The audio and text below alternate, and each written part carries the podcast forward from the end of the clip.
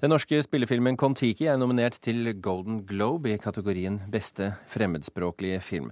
Flere kritikere har ment at filmen ikke ville slå an utenfor Norge, men en overlykkelig regissør Espen Sandberg er ikke overrasket over at filmen om Thor Heyerdahls ekspedisjon er interessant internasjonalt. Nei, det har vel heller overrasket meg at noen kunne påstå at det ikke var det. Vi har alltid visst at dette her er en internasjonal historie, og det er uh, igjen bevist i dag.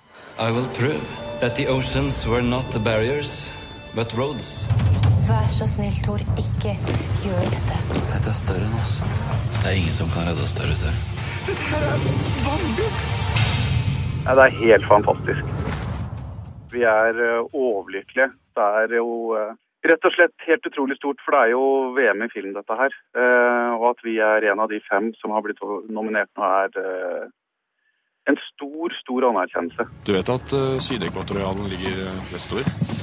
Siden vi knapt klarer å styre og er på helt feil kurs, tenkte jeg. Det skader oss i hvert fall ikke, dette her. Disse tauene holdt for 1500 år siden, og de kommer til å holde nå.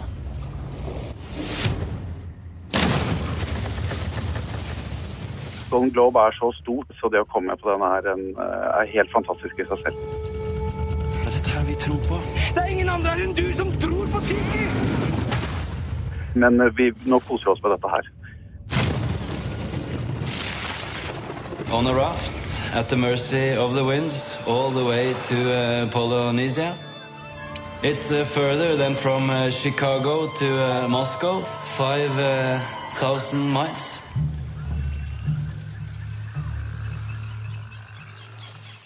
uh, er langt til uh, Polynesia, og det er langt inn til Royal Albert Hall alt ettersom Golden Globe blir uh, utdelt. Uh, ja, det vet jeg simpelthen ikke. Det skal dere få vite i løpet av, av, de neste minuttene. Så kan vi jo minne om at Thor Heyerdahl selv vant Oscar for sin dokumentarfilm om Kon-Tiki-ekspedisjonen i 1952. Kjetil Ismoen, filmanmelder i Aftenposten og redaktør for filmmagasinet Rushprint. Hvor uvanlig er det at en norsk film blir nominert til Golden Globe?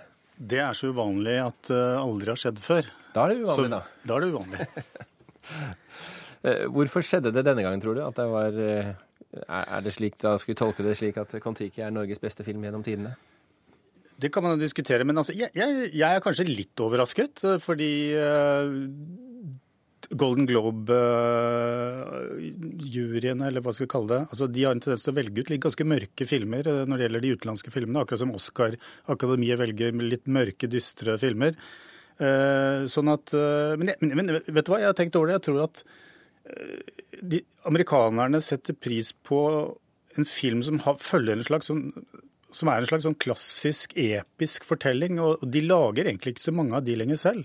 Så jeg tror at det er eh, de, de, anerkjenner noe som de har vært veldig gode på selv tidligere. Eh, og så er det jo en klassisk amerikansk historie på sett og vis. Da, for ja, ja. Det er jo én person, én mann, som går mot alle odds og mm. gjennomfører noe helt ja. nakkeknekkende. Men det er jo et kn sterkt knippe rivaler i denne kategorien. Ja, det er uh, to veldig sterke filmer i mine øyne. Det er uh, Michael Hannekes 'Amour' og franskmannen Jacques Audiage uh, uh, 'Rust og bein', som den heter på norsk. Altså Begge de filmene får jo premiere her i romjula. Uh, det er veldig veldig sterke filmer.